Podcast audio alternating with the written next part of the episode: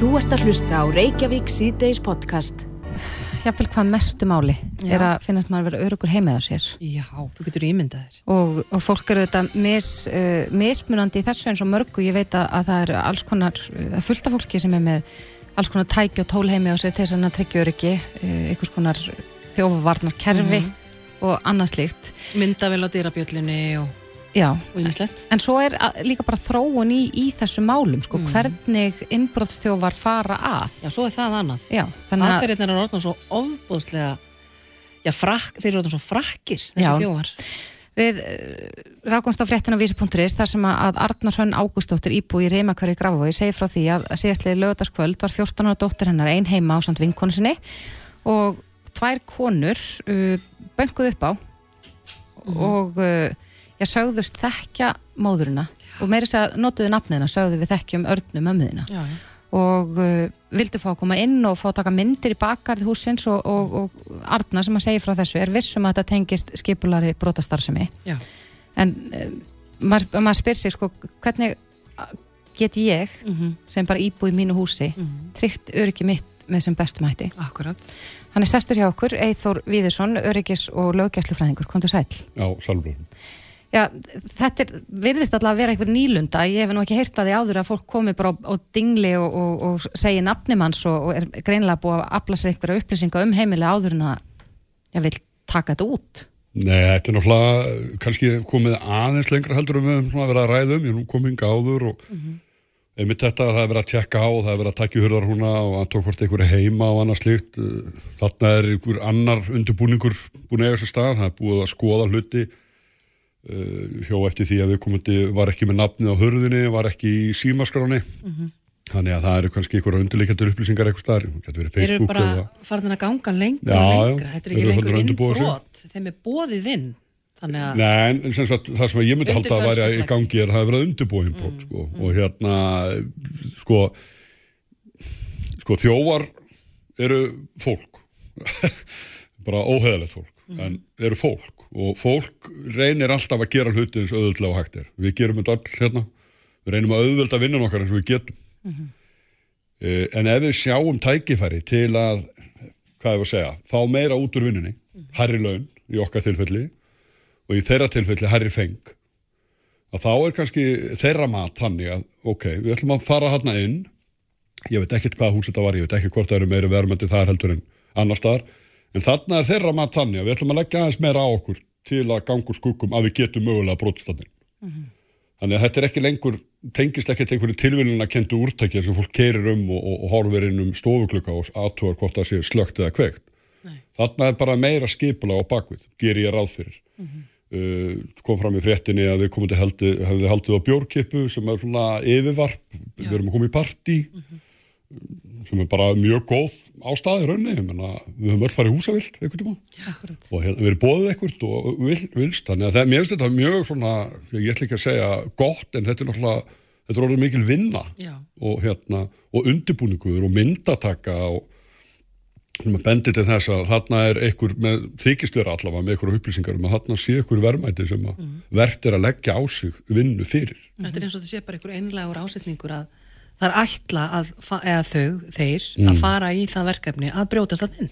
Já, já, svo sko, náttúrulega tölfræni þannig að það er nú yfirleitt kallmenn sem brótast inn en þarna eru konur uh, að að- að skoða aðstæðar sem er náttúrulega líka mjög sniðut það er náttúrulega stendur ok- okkur öllum stendur yfirleitt minni ógn af konum þannig að tvær konur sem eru að leiði partí er bara löggild ástæði fyrir að standa fyrir utan eitthvað hús og, og í einhverjum tilgangi og halda póka frá innbúðinu mér finnst það bara það finnst það engum það óeðlegt held ég sko. Já, en svo hefur maður líka heyrt sko það e, e, berast líka oft fréttir af því að, að, að svona innbrotstjóðvar að þeir skilja eftir einhver ákveðin merki eru svona búin að vera að fylgjast kannski með húsun reyna að kanna hvort að fólk sé heima eða ekki, hefur þú heyrt af því? Já, við, hérna, við höfum alltaf verið að tala svolítið mikið um það sko, að, hérna, að þegar þú ert auðvitað sko, ef þú ferð út fyrir, fyrir leikus og lögskvöldi, þá ert ekki að þú gerir engar sérstakar rástafanir við höfum aðeins verið að tala um þetta í sumaleifunum þegar, þegar sumalefin nálgast og vestlunarhelgarnar og kvítasunlunar og þetta að, að, að fólk svona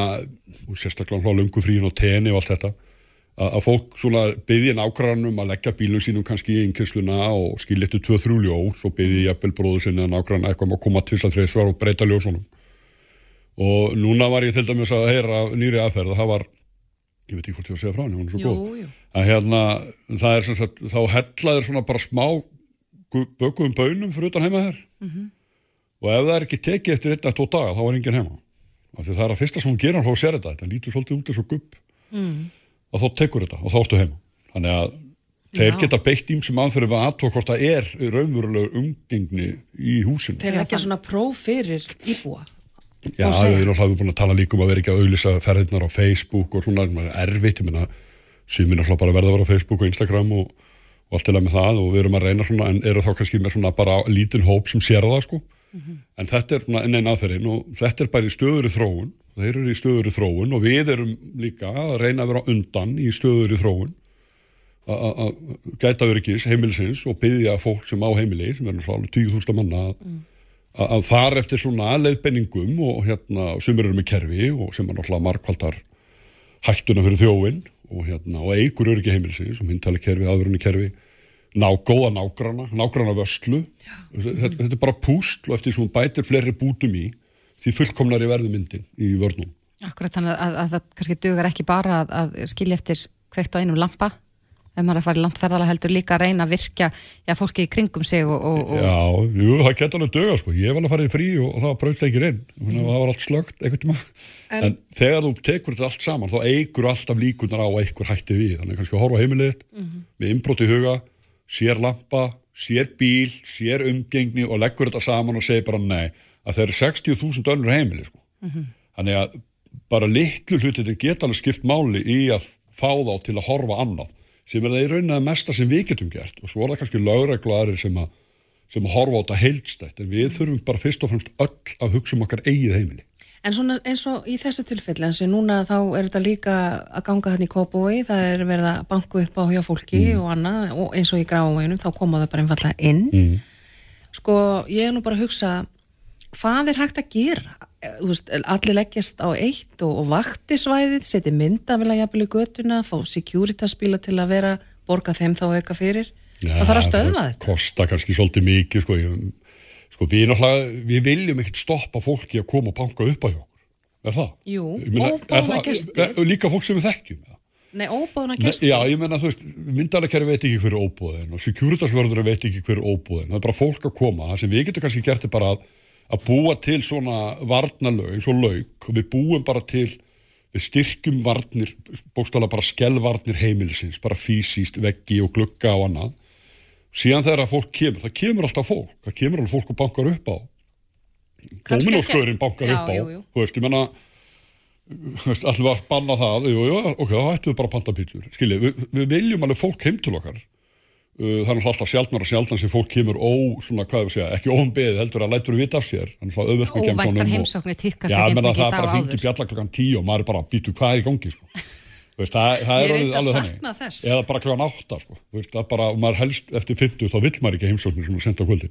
En og síðan náttúrulega sko, getum við kannski ekki stoppað að fólk koma að hurðin okkar, það við viljum ekki alveg stoppa það. Fólk í bankar og þá erum við búin að tala við þann sem tekur á mót. Við stoppum ekki fólk ef enginn er heima ef að vill farinn, þá fer það inn. Já. og þá er komin önnur pæling með að verja það sem við elskum mest og mynd, myndir af börnunum við fæðingu og í fermingu skiljiði, við þurfum að bakka það allt upp og vera kannski búin að læsa þetta helsta erðagrippina og allt þetta verðmættasta læsa það bara inni. Nú, ef þeir ætla að taka eitthvað og eru komnir inn, þá gera þær það. Og þá erum við kannski bara með rekjanleika, við erum búin að skrifa niður aðnúmer og, og dýrari hlutum og annars líkt en ef það er eitthvað heima eins og í þessu tilfelli, náttúrulega ömuleg reynsla alveg skelverið reynsla og þá er búið að tala við úlingana að vera bara þau geta alveg spurt og okkur og eitthvað svona. Og þá bara orða það vanlega. Og það er bara þarf að passa sig. Það eru sumir sem vilja hluti og eru tilbúin til að taka þá. Þannig ef það kemur ykkur þá viljum við vita það. Það er kannski nummer 1, 2 og 3 það má alveg taka myndir þegar viðkomandi fer taka myndir af nakkanum ánum eða bílum sem hann á. Já. og tilkynna allt til lögreglu. Allt grunnsalegt er tilkynnt til lögreglu. Því þeir eru með yfirsýn þannig virkar þetta Já, mér finnst skemmtilegt hvernig þú líktur þessu við lauk Ha? Ég, mér finnst gaman hvernig þú líktir þessu við lauk að vera með sko Já, mörg það er bara það sem maður af- hugsa um örgjum, það Já. setur bara lög af alls konar, því að það eru göt, ekki kannski lauknum, en það eru göt í hlutum, það, það koma göt, bæði tímabundin og annars líf. Já. Og hérna aðstæður eru kannski bara þjófnum í hag, tímabundið, það er myrkur, það er eitt gat í, örgislægið, það er bara myrkur, en þú samt með myndarakerfi, mm -hmm. áttu komið gat í það kerfi. Þannig að en málið er að götin raðast ekki upp saman. Já. Þú veist, það sé bara sjö göt í, í sjö lögum og þá bara fara þær gegnum það. Það er þannig sem þeir komast inn og út aftur. Já. Og það er eitthvað sem klikkar þegar þú ert með marga hluti þá þarf mar margt að klikka og líkurnar er alltaf minna og minni eftir sem bætu við lægi. Akkurat. Já, þetta er góð áminning fyrir alla að, að uh, reyna að styrkja vartin heimilisins en Eithor Viðsson, öryggis og löggæslufræðingur. Kæra þakki fyrir komuna. Þú ert að hlusta á Reykjavík síðdeis podcast. Í kvöldfréttum stöðvar 2 í gær uh, var viðtal við móður ungs mann sem var fyrir stungu ára í miðborginni núna í vor og hún segir að nýfallin dómur í þessu máli sé skammarlegur. Um, mér skilst það að uh, árásamæðurinn hafi, hafi fengið tvekkja og hálsás uh, fangilsistóm fyrir þessa líkamsárás og, en hann var síknar af tilrönd til mandraps og með við allavega lýsingarnar sem maður heyrði þarna í, eða sá í kvöldfréttunum í gær að, að þá eru margir sem velta fyrir sér hvers vegna er þetta ekki tilrönd til mandraps þegar að viðkomandi var, var stungin margsinnis uh, í bakið með skrújátni Mhm. og uh, já, umræðan í kringum þetta hefur verið á þann veg að, að fólk já, kannski skilur ekki alveg. Nei, það er ekki skrítið. að þessi dómur virðist vera mildur miða við lýsingar af, af uh, frá því kvöldrættunum í ger en hann er sestur hjá okkur Jón Steinar Gunnlaugsson fyrirvændi dómari við Hæstarétt. Komdu sæll Jón Steinar. Komið þér sæl. Já, þú ert búin að kíkja aðeins á þetta, Jón Steinar, og, og, og uh, það hafa nú aðrir tjáð sig um þenn, þetta tiltekna mál, meðal hans Helgi Gunnlaugsson afbrótafræðingur sem sagði hann hefði hreinlega, já, brugðið, hann hefði stungið í augun. Ég sá það ég met nú alltaf mikil það sem Helgi segir, hann er mjög, mjög hérna svona, jarbundin maður. Ég, auðvitað, þegar þið báðu með um að koma hérna, þá náði ég mig nú í dóminn, þú sendi mér hann og, og fór yfir þetta. Þetta, það er ekki allt sem sýnist í þess og leiði mér nú að útskýra það. Endilega. Þessi piltur sem að þarna er ákjærður, hann er ákjærður fyrir eins og þú sagðir tilrönd til mandráps. Til þess að um geti verið að ræða mandráp eða tilrönd til mandráps, þá þarf ásetningur brotamannsins að lúta að því að svifta hinn mannin lífi. Og sönnunabyrðin um það að þessi hafi verið ásetningur uh, árásamannsins kvílir á ákjæruvaldinu sem að sækir málið. Dómarinn fer yfir atvika þessu, það hefur nú verið einhver átök inni á veitingastanum áður og svona eitthvað sko og kemst að þeirri niðurstöðu sínilega eftir bestu samvisku að það sé ekki búið að færa lögfulla sönnun fyrir því að fyrir manninum hafi vakað að svifta hinn lífi og það þýðir að hann, honum ber skilda til þess að síkna hann af broti gegn uh, 211. grein almenni hekningalega sem er ákvæðið um andrá. Hann hins vegar heimfæri brotið svo undir 218. grein aðramálskan sem er ákvæðið um meira hátta líkams árás og gerir það þó að þess hafi nú ekki, ekki verið getið í, í, hérna, í ákjærunni, það kannski skiptir ekki öllu máli en, en hérna hann, hann sagkvellar hann fyrir, fyrir það brot og uh, það er sko ef að stórfelt líkams eða helsutjón hlýst af árás eða brot er sérstaklega hættulegt vegna þeirra aðferðar þar að meðal tækja sem notuð eru svo þegar sá sem sæti líkan sáns árás lítur bana af allugu og var það brotast að fangils alltaf 16 árum. Hér er ásettingurinn ekki um að svifta mannin lífi heldur að valda honum alvarlegu helsutjóni Já. og dómarinn telur að það hafi verið hér og, og, og viðbárur árásamannsins gegn, þessu eru að yngu hafðar og, og mér finnst þetta nú vera allt frekar, frekar hérna samfarandi hjá dómarunum því að, því að menn verða aðtúa það sko að það er ekkit, sakamál er ekkit grín og þau eru allt annars eðlis heldur en engamál í sakamálum þá er maður sóttur til saka fyrir refsiverða háttsemi og það verður að sanna það að skilir þið fyrir refsingunum séu uppvild og það er handhafi ríkisvald, það er að segja ákjöruvald sem þarf að sanna það.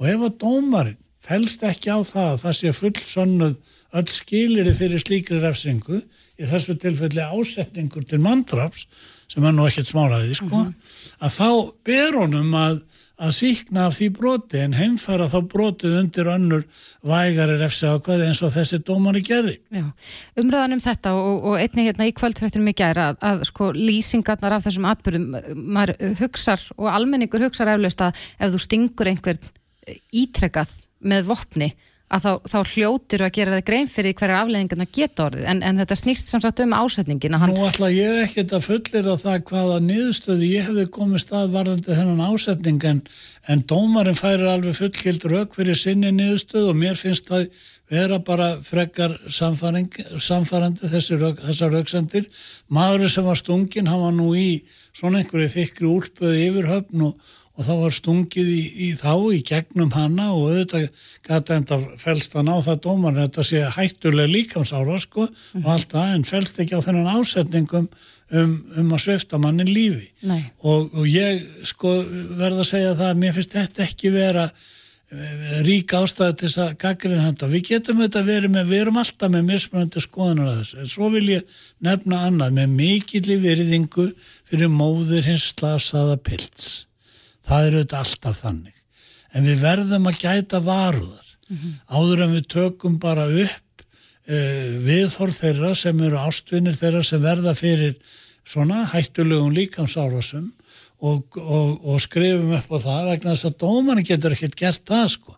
Hann verður að, að leysa úr þessu með með, ef að segja, með óromantískri hlutlægni lögfræðinsins sko, sem á að dæma þetta, hann getur ekkit sveiplast til í neinum viðhorum í því, hann verður bara meta þetta halt, kallt og hart og, og, og hérna ég tel að þessi dómar hafi gert það, þannig að þó að þegar þú ringdir í mig, þá var ég á þeirri skoðun að þetta væri allt og vægu dómar og svo las ég dómin og skoða þessar fórsendur og þá finnst mér þetta vera bara Já, eðlileg niðurst, það getur vel verið að refsingin hefði átt að vera eitthvað þingri, það getur verið eitthvað svoleiðis en það eru smáadriði, eh, það er ekki sem varðar sakvellinguna þar að segja heimfæsluna undir, uh, undir tilröndir mandráls. Mm -hmm. Hún akkurat kom inn á það í gæra að, að hún spurði sko hvað skilabóð væri verið að senda út í samfélagið, að veita árásamönnum sko dóm, ekki þingri dóm en þetta, en, en þá hafa ímsa rattir verið á þann vega sko ef að, ef að dómar eru ekki þingri en þetta að fólk fari þá bara reynilega að taka völdinni sínir eigin hendur ef að, að gerst er eitthvað á mann slut Ég held að það sé nú engin sérstök hægt á því. Það verður auðvitað skilda dómar hans er auðvitað bara að dæma eftir lögunum mm -hmm. og þar ber hann ákveðna skildur, hann þarf að heimfæra brotið og meta það og svo þarf hann að gæta það að refsi ákvarðunans sé í samræmi við refsi ákvarðanir sem hann þekkir þá auðvitað úr öðrum sambarlegum málum og hafa þetta í samræmi við það. Ég þekki það ekki, ég gerir af fyrir því að dómarinn hafi hugað auðvitað vandlega því og allt þetta og dæmt þetta svona.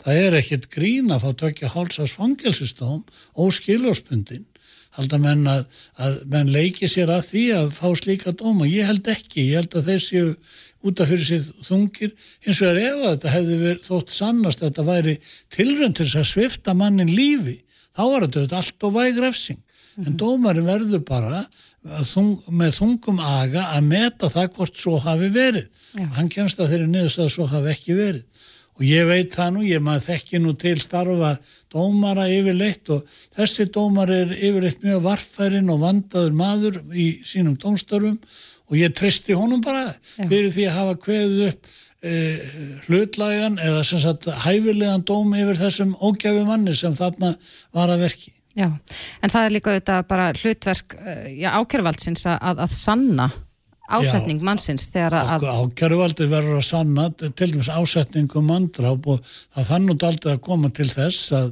að, að það sé talið sannað. Nú síðan hefur auðvitað handað við ákjæruvalds mögulega á því áfriða þessum dómi og, og krefjast þess að, að maðurinn hljóti þingri refsingu að sakverlingin verði byggð á öðrum fórsendar, segja verði fallist á tilröndi mandráps og þá fær hann auðvitað þingri dómen ég veit ekkert hvort að handaf ákjörvalds telur að það sé líklegt til, til hérna, árangur sjá sér sko.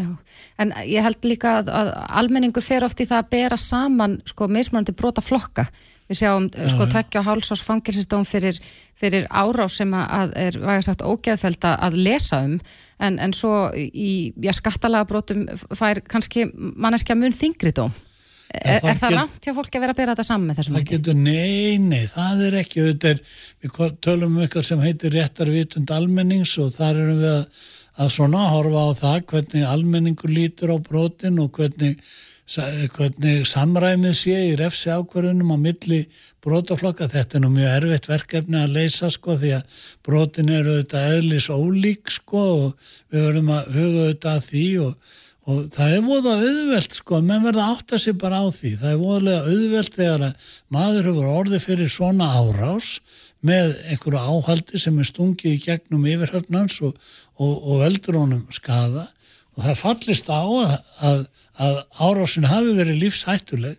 En það er voða auðvelt að segja bara blóð og sviti sko, inn með þennan manni ég helst for life eins og fólk segir eða eitthvað svolítið mm -hmm. við getum það ekki, ef við erum dómarar og eigum að dæma þetta hlutlægni þá getum við ekki hugsa svona. Við verðum að leggja mat á þetta eftir lagana reglum og gæta þess að það sé samræmi í þessum refsi ákvarðunum eins og öðrum og í svona tilfelli þá berum við þetta saman við önnur líkamsárasabrót mm -hmm. það er svo alveg kapli útaf fyrir sig sko, hvort að refsi þing, þingd milli brótaflokka séu eitthvað óæðileg. Það er að segja að, að líkamsárásir séu þá eftir vil dæmdar mjög vægum dómum gegn því að einhver skattalaga brót eða eitthvað svoleiðis fá, fáið þingri dómu og ég get nú útaf fyrir sig alveg kannski fallist á það að það sé meira ástæði til þess að venda líf og lími heldur en hagsmunni ríkisins að því einhundar skatta sko ef, ef að svo má segja þó að það séu þetta lögmættir hagsmunir. Já en, en það sem kannski tengist þú talaður um réttar vitund almennings en það ja. er annað sem er líka oft í umræðinni að það er refsi rammin. Þú sagðir hérna áðan að, að þetta brot sem hann er sakveldu fyrir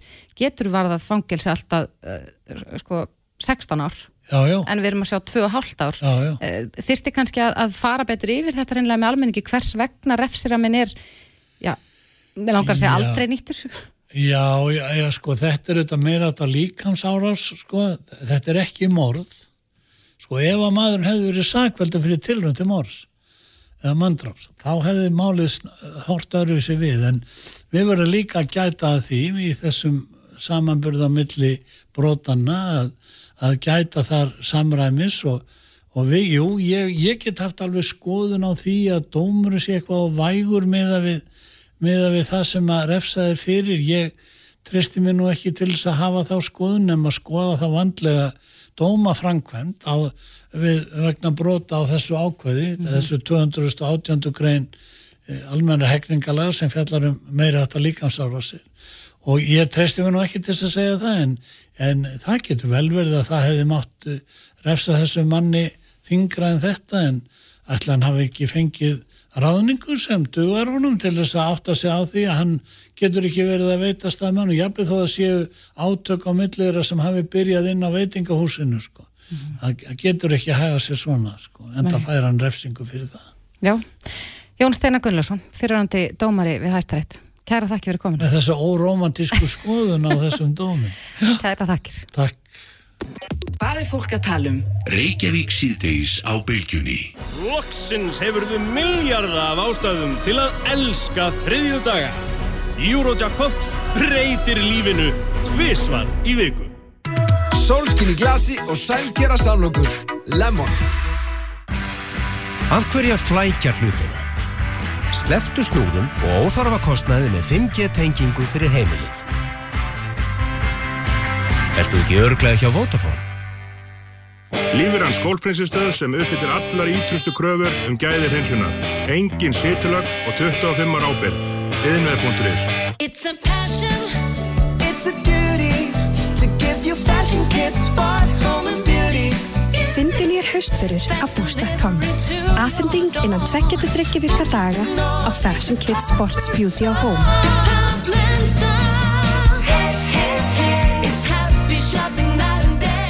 Velkomin að Happy Shopping á búst.com Skólagangan fer á flug með MacBook Air. Eppli, laugavegi 182 og Smáralind. Á að byrja höstið af krafti Þá er rétti tíminn fyrir þitt fyrirtæki að byrja með HR Monitor, rauntíma starfs ánægju mælingar. hrmonitor.com Þarf að selja, kaupa eða skipta um bíl? Tröst bílaviðskipti í 30 ár. Litla bílasalan, Lettálsi 2. Útsalan í fullum gangi. Parkett, hörðir, flýsar. Sparaðu 20.000. Birgisson, Ármúla. Quickstep hardparkett á hardparkett dögum. Harðiða val. Vandaðu valið. Ekki missa af neinu. Reykjavík síðdeis á bylgjunni. Nú lækkum við bílatryggingar enn meira í ökuvísi. Vís. Thank you for being a friend. Bylgjan, bylgjan, bylgjan. Fróðlegur og frábær tónlist. Bylgjan.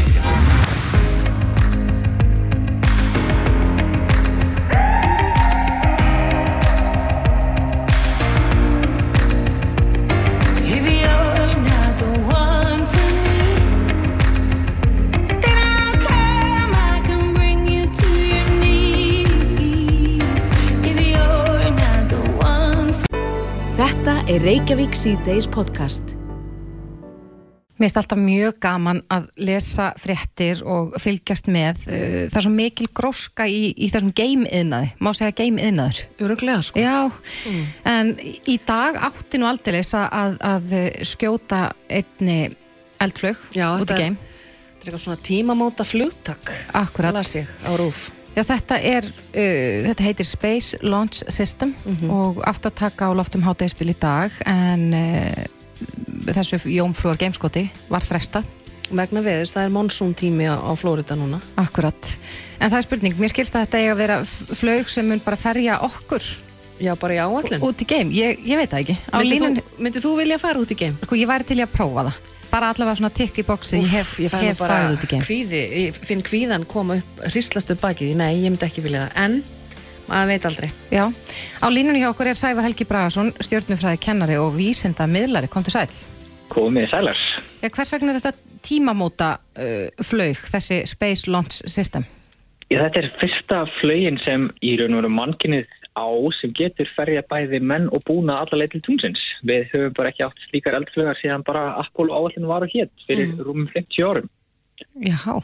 En segð okkur aðeins frá þessu, er þetta, já, þetta er jómfrúa gameskot nýra eldflögar eins og þú segir, Space Launch System.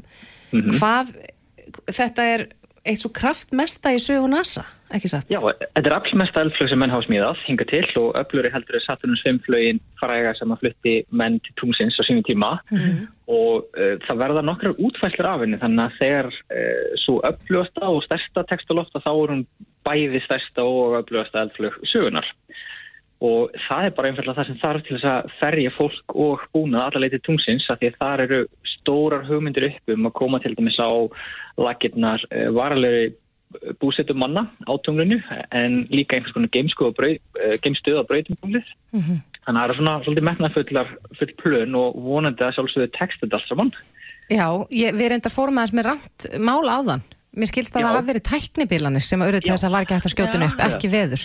Akkurat, ég ætla að eh, skjóta því hérna inni. Það var, var vélar, bilun í vélbúnaði í uh, eldflöginni sem leiti til þess að það þarfst að hætta við geimskot og það er bara ekkert skrítið. Það er bara vegna þess að það þessari flög hefur aldrei verið skotið upp áður og þá er eins gott að allt virki sem skildi þannig að menn takk ekki neina á þetta og þetta er bara alveg í takt við það sem var gert hér áður fyrir Já.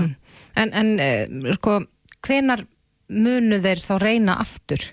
Sko, förstu daginn næsta sem er það hvað 5. september þá opnast næsti skotgluggi og þegar við erum svona við með skotglugga þegar að tunglið okkar það er náttúrulega alltaf á stöður í reyfingu kringum jörðina þannig að til þess að allt saman raðist upp þannig að nota þurfið sem minnst orku til að komast til tungsins eða bara sem minnst eldnæti að þá er bara hægt að skjóta upp á ákveðnum tímum og næsti að tækifæri eftir gefast á förstu daginn 5. september Ég sé að það eru, sko, ég les hérna inn á frétt Ríkisútarsprins að það eru 200.000 manns sem er að leggja leið sína þarna. Og það, eru, það er búið að parkera hjólhísum þarna þannig að fólk þarf að býða aðeins í nokkra dagi viðbót eftir að sjá þetta. Það er rosa spenningur fyrir þessu.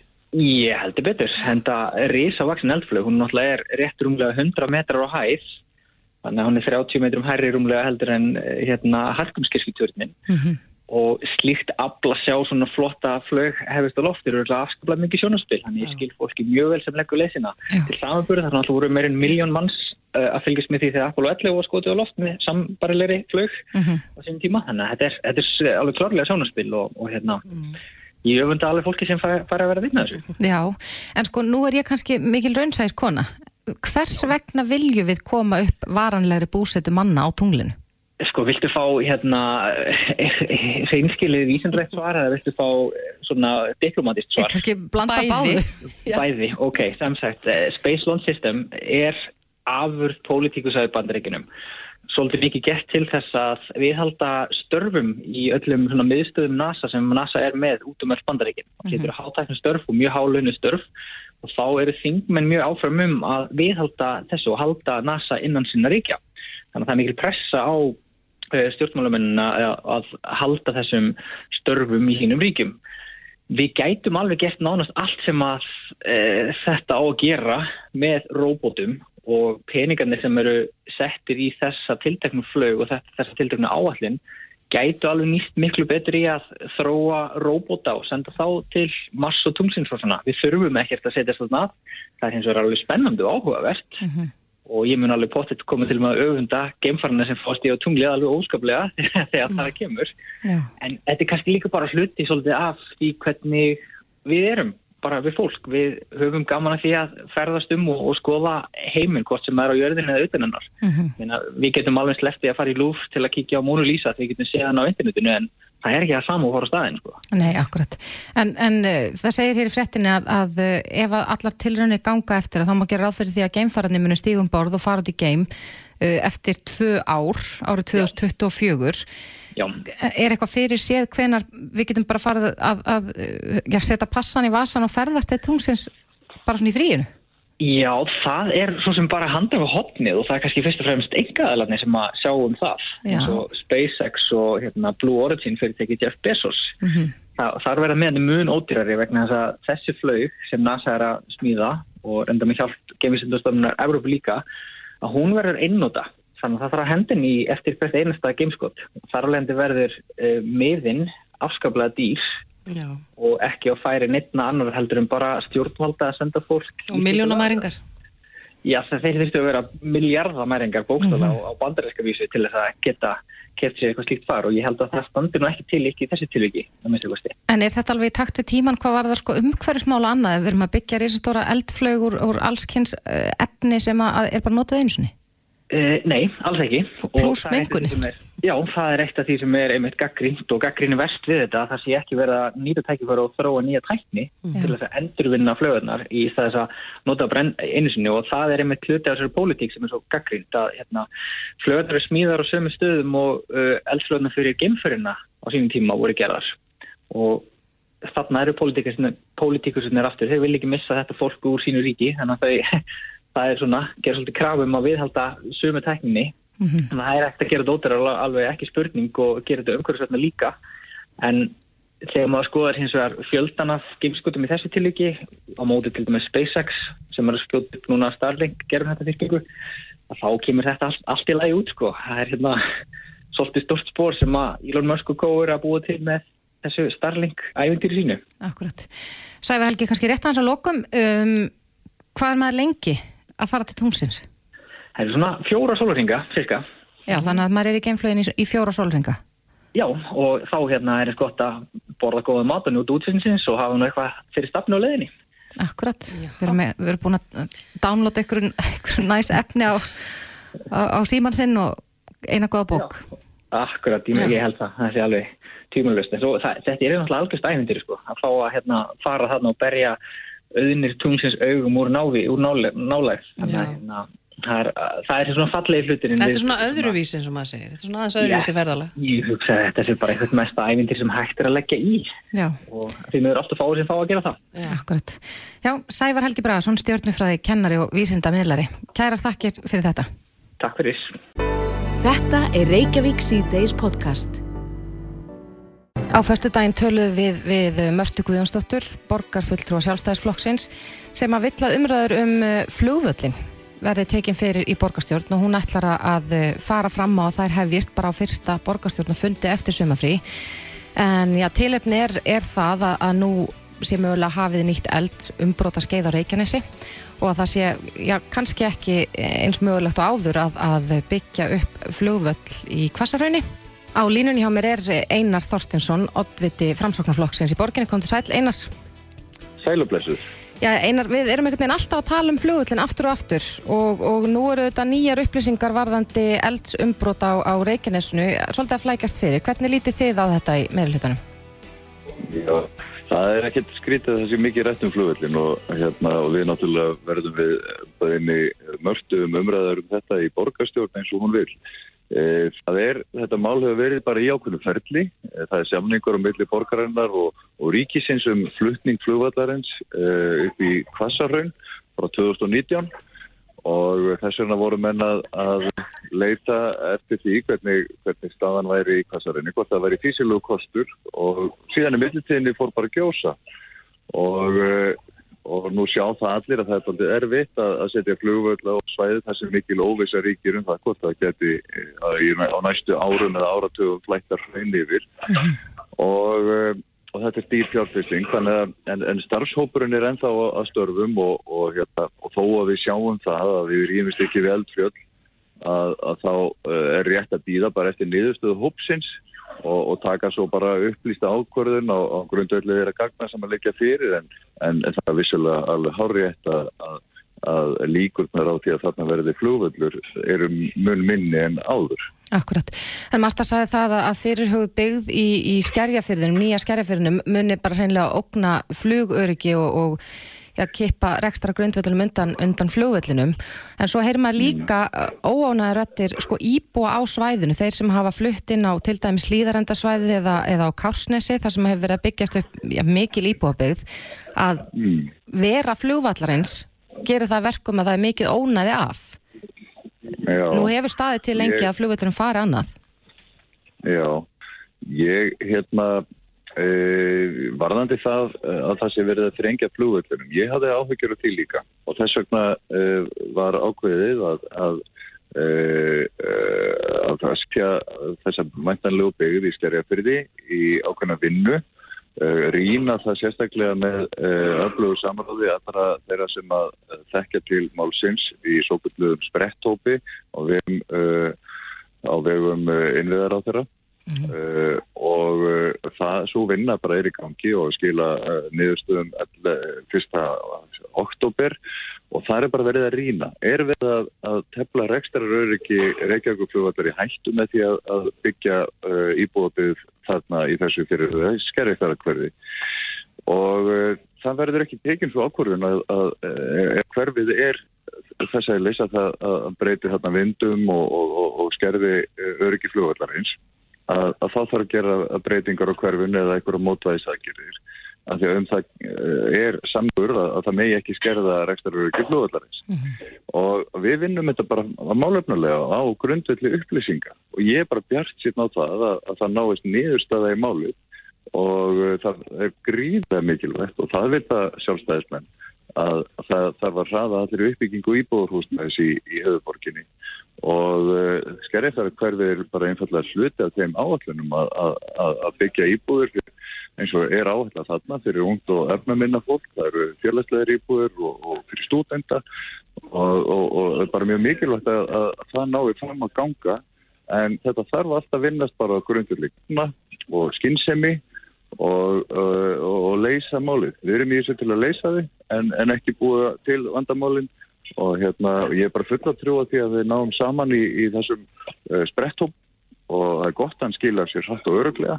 Hann er búin að vera núna í störfum í örfáa mánuði og það þarf að rýna þetta vel og ég er bara að vona það að, að, að, að það komi niðurstæði sem að við getum að besta á. Og varðandi það að, að fólk vil ekki byggja, búa þarna við flugvöldin. Ég er nú bjó nú á Karsnesunu og, og hérna og amma mín bjó í, í Skerjafyrði og mér fannst nú alltaf flugveldarna bara daldi hugulega að heyri þeim eh, en fólk valdi sér að búa á hlýðarenda og vissi að það var flugvöldur.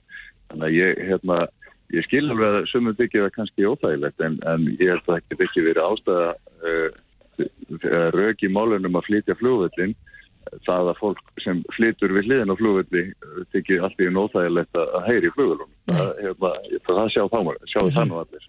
En einar, nú uh, hefur verið talað um það að það muni taka já, einhver möguleg 10 til 15 ár að byggja upp nýjan flugvöll ef ef að fundin verður hendur staður, betri staður en Vasmýrin. Um, hefur einhver annar staður verið skoður eða er einungis kvassarhraun til skoðunar? Sko í rögnuskíslunni eh, sem eh, er, eh, þar voru skoðaði nokkri staðir og þar varu þrýr nefndir álitlegastir það var, var Löngusker og það var Holmsheiði eh, og svo var það eh, Kvassarhraun og Kvassarhraun eh, var talið best þannig að sá staður var skoðaður. Eh, það var líka bestastaða hérna tónleið þarna og, og, og Reykjavík og flugvöldur og, og, og en eh, nú held ég bara ef að eh, eins og allt lítið út fyrir að kvassarfeynsi komið á myndinni að e, þá þurfum við bara að fara í þá vinnu og skoða þetta þá líka bara í samhengi við allt sem hefur gerst á, á 2019 það eru jarðræringar þarna á, á Reykjaneskaðanum og, og, og hver er svona þarfinnar og, og hver viljum við hafa þetta? Og fara bara aftur í þá vinnu, hefja hana af því að það liggur alveg fyrir að, að það þarf varaflugull fyrir, uh, fyrir Keflavík. Uh, Reykjavík flugullur hann er þjónar sínu hlutverki mjög vel fyrir innanlandsflug og sjúkraflug og, og kjenslu og æfingaflug en uh, það er uh, inn á aðalskipulagi borgarinnar uh, gert ráð fyrir því að byggja í Vasmýri og, og um það þetta hefur verið deilt lengi og, og, og uh, ég bara, ég held að það sé mikilvægt að halda áfram að vinna þetta á grundvelli samninga og, og, og sammeili skilnings á því að það þarf að vera hægt að tryggja sjúkraflug, innanlandsflug, þannig að bæði landsbyggð og höfuborg uh, njóti góðsaf, uh, vera ekki með þetta í þessum átakafarvegi. Það er bara flókið að byggja flugur og, og finna honum stað, en við verðum að gera það og þessi vinna heldur bara áfram og meðan er Reykjavík flugullir í flugullir vextri og, og við passum upp á það að þrengi ekki um ofa honum þannig að, að, við getum staðið við samkúmulagi frá 2019 um að skerði ekki rekstra ekki flugullarins. Akkurat, en miða við allt þetta og, og miða við söguna, við höfum nú séð, já þegar að kvassarinn, við byrjuðum að skoða hvort að kvassarinn væri físilegu kostur að þá er ljóst að flugvöllurinn er ekki að förum næstu áriðin. Mér að það, það liggur alveg fyrir að, að jafnvel þó að Kvassarhaun hefði verið eh, hérna, físilegu kostur og, og engin eldgost þar að þá uh, tekur bara langan tíma að byggja flugvöld þannig að hérna Reykjavík flugvöldur hefði svo sem alltaf verið þarna núna og já, út þetta kjörtíðan og, og eflust næsta líka. Jafnvel þótt menn hefði ákveðið að byggja Kvassarhauns flugvöld þannig að hérna þetta er nú bara svona tímaramin í þessu. Það getur tekið, það tekur mjög langan tíma að, að hérna að ráðast í þessa, þessar frangvendur. Akkurat. Já, Ég, ég, það vil nú svo til að ég stend hérna og horfa út um gluggan á flugstöðinni í, á, hérna, í siðri strömsfyrði á Grænlandi. já, Hérna er mjög myndarlegur flugullur og, og mikið, mikið aksjón. Þannig að hérna, er, ég er svona daldið á, á réttum slóðum. Hvað var það umræðu? akkurat. Og veist að ég efast eiginlega ekki um það að við munum ræða þetta aftur. Þannig að við segjum þetta gott að sinni, Einar Þorstensson, oddviti framsóknarflokksins. Kæra þakki fyrir þetta og góða ferð. Takk fyrir það. Reykjavík síðdeis á Bilginni podcast. Drífa mín, hefur þú lesið biblíuna? Ég hef gert heiðarlega tilrönd til þess og byrjaði á blaðsíu 1 og ég held að ég hafi lesið hana hálfa. Já. En þú vissir að þetta er grundvallaritt Kristina Trúar. Já, ég vissi það. Ég man eftir þegar ég var í grunnskóla þá eh, áttu við að, að fóru við reglulega á bókasafni eins og ég held að börn gerir nú bara alltaf í, í grunnskóla Mhm. og fengum að velja okkur bækur til þess að lesa. Já. Og ég man að það var einn bekkjabróðu minn, uh, indælstrákur, sem að las biblíuna. Já. Á meðan að ég var að lesa dagbók Berts eða, eða Já, eitthvað svona Vá, hvað hann hefur verið tár djúpur og bros og gáfaður. takkaskór og þá, var hann, þá las hann biblíuna, bara spjaldan á milli. En núna er hún að koma út, nei, hún hefur komið út í óteljandi e, útgáfum, Mhm. á óteljandi tungumálum, í alls konar útgáfum, en nú var að koma nýr vingill á hana. Já, það má segja það. Sér að Þórhallur Heimisson var að gefa út bókina Allt sem þú vilt vita um biblíuna uh, og Þórhallur er á línu, kom sæl. Já, komið sælar. Já, þú ert að gefa út bók um allt sem við vildum vita um biblíuna en þorðum ekki að spyrja. Já, það er svona kannski uh, hangi með þarna líka. Þetta er sem sagt svona, ég hugsta sem eins konar bara, hvað ég segja, ferðahandbóku um biblíuna, allt það sem að við kemur biblíunni, bæði sögulega og menningarlega og hvernig hún var til og hvernig hún var skrifuð og hverju skrifuð hana og, og svo framvegs. En eh, sko, þú ert mjög fróður maður um biblíuna og um, ert svona fyrir okkur hinn sem að höfum ekki lesið hana. Getur þú líst þessari bók svona í, já svona grófistu dráttum? Já, það er nú, að, sko, það má segja það, ég hef nú verið að halda námskeið og fræðslipæði hér út í Svíþu þar sem ég starfa á heima. Og ég oft fengið með þessa spurningu, sko, hvað, eiginlega er þessi bók, af því að margir, allir vita náttúrulega hvað þetta er, en kannski hafi ekki allir lagt í hana og, og, og hérna svona eitthvað hrætti við að, að byrja, en, en í góðum dráttum þá, sem sagt, orðið biblíða þýðir bara bækur og þetta er um að segja tvö bókasöfn, það sem við kallum gamla testamentið eða hebreska biblíðan eins og heitir sem er nú eiginlega sem sagt biblíða gýðinga upp á og svo nýja testamentið. Og þetta eru sem sagt margar bækur sem hafa orðið til á næstu því, já, hvað ég var að segja 1500 til 2000 árum. Fyrir 2000 árum síðan og, og hérna segja margskonar stjögur og samdara mörgum höfundum. Þannig er bæðið svona sakfræðilegar bækur eða bækur sem vilja segja sem sagt sakfræðilegar sögur þannig eru ljóð, þannig eru hinsbyggi pælingar, spekirít spátónsrít og, og allt mögulegt. En, en svo veitum líka segja ákveðna sögur sem sagt. Uh, Gamla testamenti vil segja sögu Ísraelsögurnar og, og Nýja testamenti sögu Jésu og, og kannski fyrstu kirkjunar og, og eins og ég segi svo, svo vi- vita menn um sumt og sumt vita menn ekki um. Maður veit um suma höfunda og aðra ekki og sum rítin eru samin af mörgum höfundum þannig að þetta er mikil, mikil saga þarna bak Akkurat. Það hefur nú eitt verið svona ábyrrandi í umræðinni upp á síðkastið og bara á síðustu árum að, að eitthvað sem að stendur í biblíinu sé, ég er hreinlega bara úrelt viðhorf og, og þú kemur aðeins inn á þetta í bókin ekki satt og ert nokkuð gaggrinnin á, á kannski já, þessa svo kallið bókstafstrú. Já, ég svona, segi nú að frá, ég hef með smá formála og, og segi svona frá því af hverju ég er að skrifa og ég á einmitt var hérna sjálfur kannski fyrir, fyrir mörgum árum og fannst þetta allt saman vera á því úrelt og, og, og einskis virði en, en kannski glemdi því að, að þetta er, eins og ég sagði, þetta er svo marga bækur, þetta er svo margskonar ritt og þau hafa verið tólkuð svo, svo misjaflega og, og hérna hafa svo margskonar sög að segja, það er erfitt að segja að þetta sé úrelt og ekki hitt. En, en eh, við höfum nú séð það upp á síðkastið eh, hvernig stjórnmála umræðan hefur verið í bandaríkjunum bæði hvað varðar stöðu hvenna samkynneira og, og fleira í þeim dúr. Er, er, er, er hættulegt að, að fólk lesi textan ja, bókstaflega og, og ætla að byggja rétt út frá því? Já, það má segja, sko, ég, ég kannski nota svona, kannski eitt þriði að þessari bók ef við taka fyrir svona alls konar já, deilum ál samtíma sem kannski byggja þetta á, á byggilegum vangaveltum eins og þessum samkynni stöðu hvenna uh, rétt og ránt uh, velferðarsamfélagi og svo framvegis. Og, og uh, sko það má segja að þessi bæði hefði hjá gýringum og kristumannum allar til að tólka biblíuna. Og meiri sér allar þessar bækur sko, sem eru biblían, biblíða til þess að bókasatt, þær eru líka að túlka sjálfar gamla texta og margt af því sem við kannski lesum á íslensku og höldum okkur vita hvað er, það er þýðing sem einhver hefur þýtt en, en hérna er- það er aftur þetta deil um þýðinguna. Og, og uh, þannig að það er óskaplega hættulegt að taka einhvern ákveðin texta, eitthvað ákveðið vers eða kapla og segja, hér er bara sannleikurinn komin og, og ég er með hann. Heldur kannski næri, næri með að skoða þessa hluti og skoða bakgrunnin og hvaðan kemur þetta og hvað er þessi text að segja og menn, hvernig hafa menn túlkaðan og þýtt í gegnum aldurnas. Mm En núna er náttúrulega biblían, hvað eru margar aldir eða hvað síðan að hún var skrifuð fyrst, þarna fyrsta bókin, í rauninni fyrsta, eða gamla testamentið í bókinni, í biblíunni.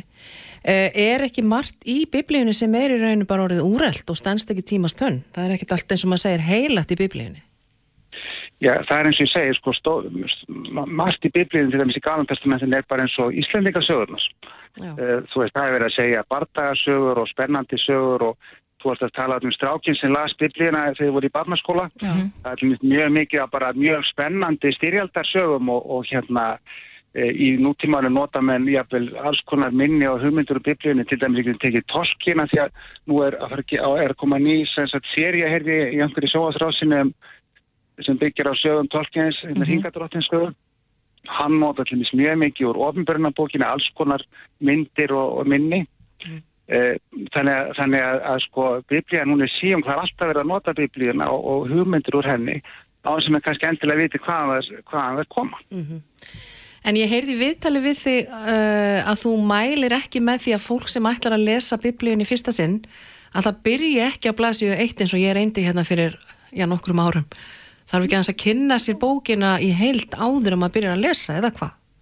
Jó, það er hérna, það er mjög góð, góðu ég segja, og þess vegna er ég einhvern skrifa þetta svona eins og pínleita handbók, að, að setja sér eins inn í bakgrunum, þess hvaða, hvaða veldi voru eins og Rómaveld og Egistaland og, og þú veist Gríkland og hverju voru að takast á og hvernig var þetta saman til og síðan þegar maður er búin að búa til þetta er sem að segja byggja sér bara hús Mhm.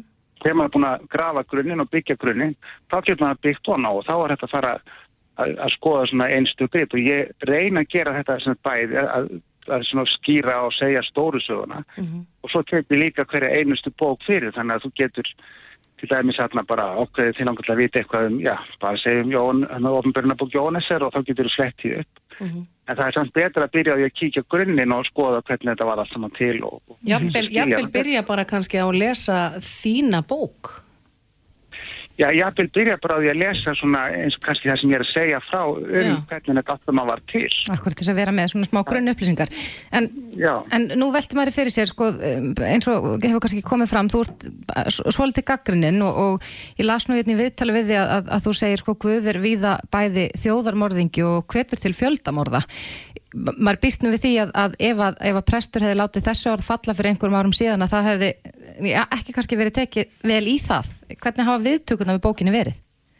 Já, það er nú kannski líka vegna þess að það sem ég var reynd að segja frá þar og, og það er textar einmitt í Gamla testamentinu þar sem, sem eru mjög sagt, eh, óhugulega styrjaldarlýsingar og þar sem að menn notværa sig kannski guðsumyndin á þennan hátt og svo eru aðri textar sem er gaggrina þetta mjög og, og, og Jésús sjálfur, hann sagði með oft sko því að heyrta sagt var en ég segi yfir og, og, og leiðir eftir margt af því sem kannski meður fór og menn mistúlkuðu. Og ég bara fengið mjög, þetta búin að vera mjög skemmtilegt og fengið mjög góð viðbröð og, og mikill áhugi. Þannig að hérna, þetta er mjög gaman að eftir að bæði eftir að bókin kom út en líka áður en að sem sagt hún kom út vegna að setja nú texta sem ég búin að vera að vinna með lengi og, og, og hérna fengið enda laust magna spurningum og vangaveltum til þess að vinna úr. Já, þannig að, að þú ert kannski búin að endurvekja áhuga fólks að einhver leita á biblíinu Já, ég, eins og ég segi, ég, ég vona sko að þetta verður til þess að fólk uh, þóri að taka hana upp og, og veltinni fyrir sér. Og, og hérna með svona opnum huga og, og, og kafi onni þetta ævintýr sem biblían er því að hún er rosalega spennandi ævintýr bara um að leifir henni að tala til. Akkurat. Sér að Þórhallur Heimisson til hamingjum með nýju bókina og kærar þakki fyrir spjallið. Já, takk sömulegis. Takk fyrir. Hlustaðu hvena sem er á Reykjavík C-Days podcast. Mér finnst eins og við séum bara nýbúin að horfa á sýsturnar keppa í uh, söngvakeppni, eða sérst söngvakeppni Evrópskra sjómarpstöða. Já, þetta er bara nokkra viku síðan. Já, eiginlega, en, en, en hins vegar þá bara líður tíminn hratt og þetta er þetta, allt sumarið hefur liðið. Já. En hins vegar sáum við það að nú er búið að opna fyrir umsóknir í söngvakeppni sjómarpsins fyrir næsta ár. Aftur og nýbúið. Já. Já. það þarf nefnilega að undirbúa þetta aldeilis vel uh, til þess að ákveða hvernig við ætlum að senda út og við munum taka þátt í Og er. Já, það Finnst er mist það skrítið að vera að tala um vorbóða samt í lok ágúst. Já, en Eurovision er vorbóði. Já, en á línunni okkur í dag er Rúnar Freyr Gíslason, framkvæmda stjóri söngvakeppnar. Kóttu sætt Rúnar. Sælar og besar. Þetta ekki sammála því að pínu furðulegt að vera að tala um vorbóða svona þegar haustið er ekki komið. En þetta er samt vorbóði.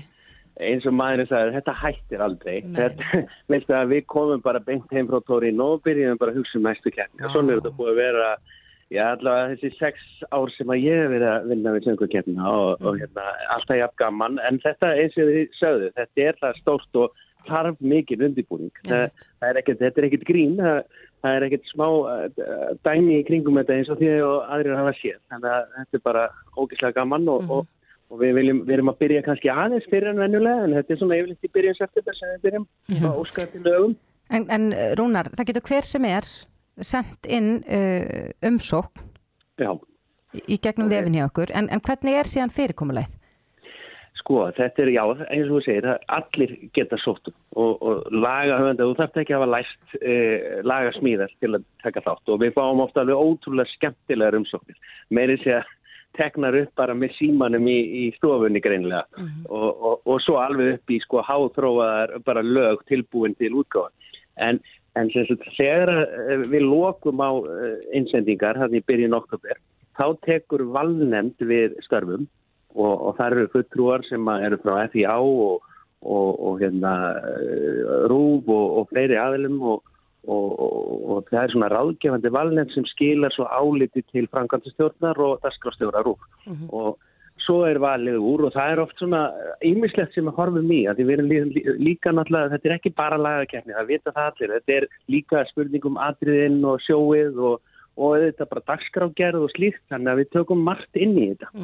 En þið eruð að leita, sko það er verið að leita eftir mjög svona grípandi laglínu fyrst og fremst. Mm og það má taka þetta upp á síman fyrir þá sem er ekki lærðir uh, tónlistamenn. Þið eru ekkert að gera neitt mínus þar. Alls ekki Nei. og þetta er allt vant fólki að hlusta á svo kvöldu demo. Þetta Já. þarf ekki að vera alveg full hanna. Það er það sem gerir svo eftir að lægið hefur komist inn í keppnina. Þá byrjum við að förum við í stúdíu og vinnum með uh, tónlistamönnum og listarinnu fólki og við höfum ráðlagt fólki sem er að stíga kannski sín fyrstu skref og erum þeim algjörlega til hals og tröss í þessu. En við byggjum sko að þú tala um grípandi lælunni, já, en við undirstrykum alltaf bara hvað sem er, það eru alls konar tónlist uh, velkomin í söngvakeppna og við séð það líka úti hvernig hún er orðin fjölbreyttari keppnin bara úti uh, í Eurovision sjálf sko, þannig að, þannig að þú veist, það er oft sem er sagt eitthvað típist Eurovision lag en Mhm. þau eru alls konar. Já. Akkurat. En, en nú höfum við, sko, síðast sendum við sýsturnar með, með þetta fallega lag með hækandi sól. Country Vaf. Og í f- ári, árin á undan var það nú Daði Freyr með svona aðeins meiri popslagara. Já. Erum við, erum við svolítið að skiptast á? Já, hatari þar á undan. Já, E, já, þú veist, erum við að leita einhverju sérstöku? Viljum við næst vera með eh, svona eitthvað eh, hressari takt eða eitthvað slíkt?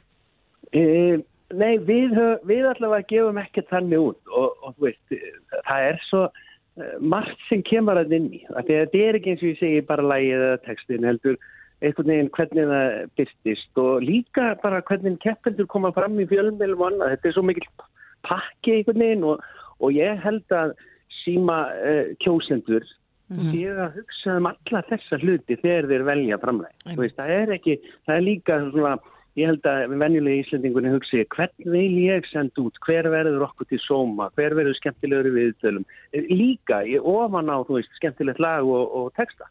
Já, en svo, svo hefur líka ítrekka verið bent á það í tengslum við Eurovision að þetta er alls ekki pólitísk keppni en, en svo ég er alveg hægt að lesa á milli línuna þetta er vissulega pólitísk keppni þannig að oft er það lögin með mesta bóðskapin sem að, ná lengst. Betur, við sáum það nú heldur betur í fyrra og ég veit ekki hvort við kallum það pólitík, það er eða réttlæti eða eitthvað að Úkraina náttúrulega stóði og stendur í erfiðu stríði og allir fundu til með þeim og, og, og það hefur klárlega spilað inn í þó að lægið hafi auðvitað verið gott líka, Stefania. Akkurat. Eh, og, og hérna, en já, hún, hún er, er það gerðnan þessi keppni og ég held að verða aldrei hægt að koma í veg fyrir það af því að meiri segja þegar að fólk ætlar ekki að vera pólitíst þá er það pólitík í sjálfum sér það er afstæða ofta að vera ekki með afstöðu En hvenar lokast þessi gluggi? Hvenar get ég, já hvenar er, er ég orðin og sein að senda lagin?